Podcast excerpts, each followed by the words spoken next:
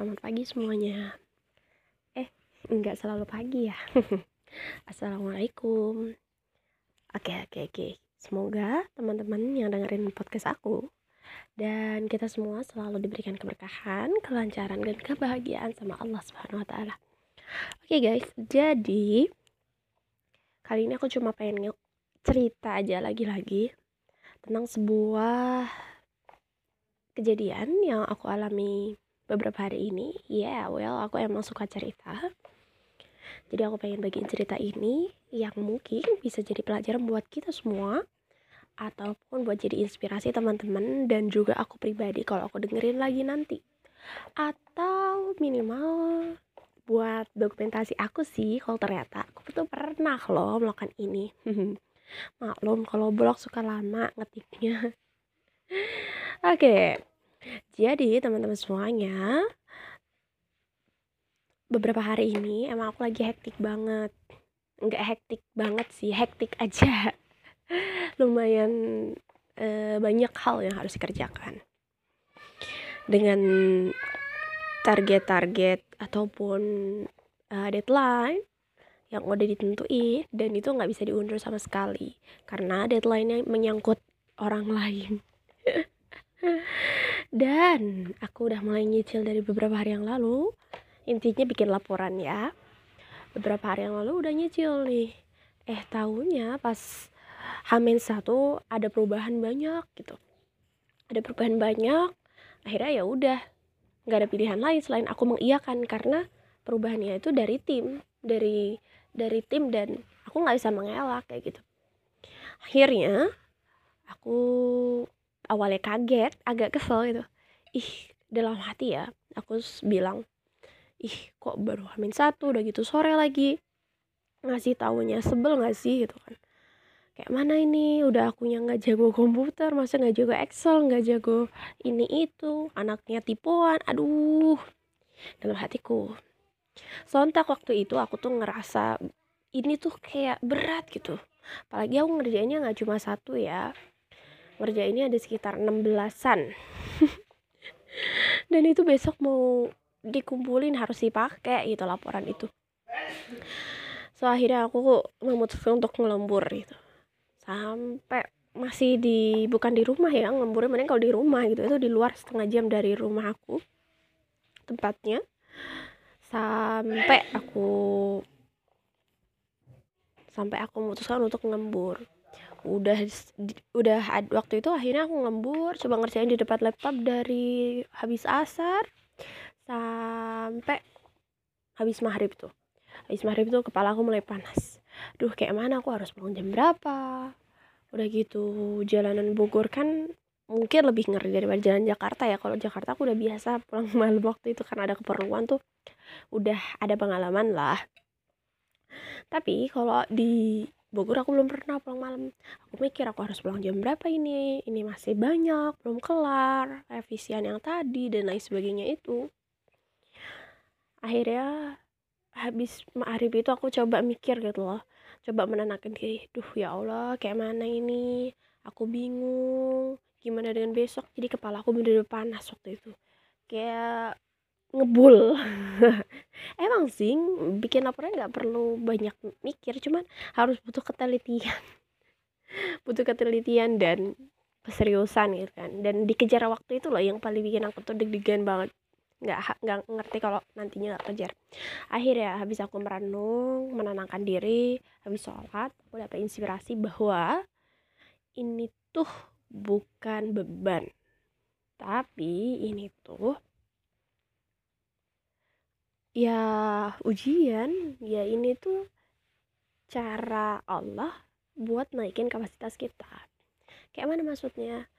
Nah gini jadi akhirnya begitu aku dapat inspirasi itu aku tulis. Aku anaknya kalau ada suatu aku harus tulis. Dan aku tulisnya pakai pulpen ya bukan di HP jadi aku tulis. Begitu ditulis udah deh kan? Ditulis aku tulis dalam uh, kertasnya. Dear Selma kamu itu bukan lagi ngerjain laporan atau tulisan tak bermakna. Yang kamu tuliskan ini adalah laporan seorang pemuda-pemuda sukses pemimpin bangsa dan negara dan juga Islam di masa depan. Sontak ketika aku nuliskan itu bahwa yang aku bikin laporan ini, ini adalah mengenai anak-anak muda yang nantinya akan jadi pemimpin bangsa. Yang nantinya akan memberikan banyak kontribusi untuk negeri. Tahu nggak apa perasaan aku setelah nulis itu? Yakin asli aku tuh di hati tuh kayak udah kalau nangis kan di mata ya keluar air mata kalau di hati tuh langsung nyes gitu loh kayak yang ada rasa pengen nangis gitu hati aku tuh udah kayak gitu langsung nyes gitu sekarang aja kalau aku nginget itu tuh kayak yang nyes banget. Ya Allah ternyata ini aku bener-bener nulis itu. Jadi aku menanamkan keyakinan dalam diri aku bahwa yang aku lakukan ini adalah kebermanfaatan jangka panjang walaupun tidak terlihat saat ini tapi akan terlihat di masa depan nanti. Mungkin 10 tahun lima tahun lagi gitu bahwa yang dikerjakan ini bukan suatu pekerjaan yang tak bermakna. Justru ini adalah suatu hal yang sangat bermakna yang akan menjadikan yang akan jadi kontribusi meskipun kecil ke mereka gitu. Dan bisa jadi ini adalah amal jariah kita sebagai orang yang ikut berkontribusi meskipun tidak sedikit.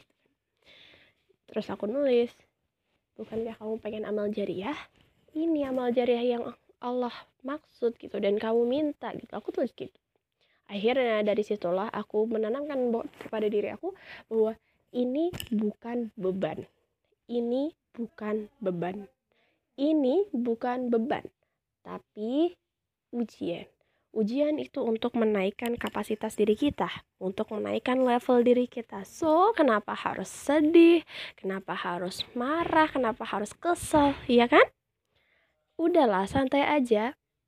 Tenang aja. Justru harusnya ketika kita dikasih cara biar kita naik kelas, kita harusnya happy dong. Ini tuh hadiah loh kita harus happy. Jadi mengganti perspektif itu sih yang aku pelajari dari hari kemarin tuh.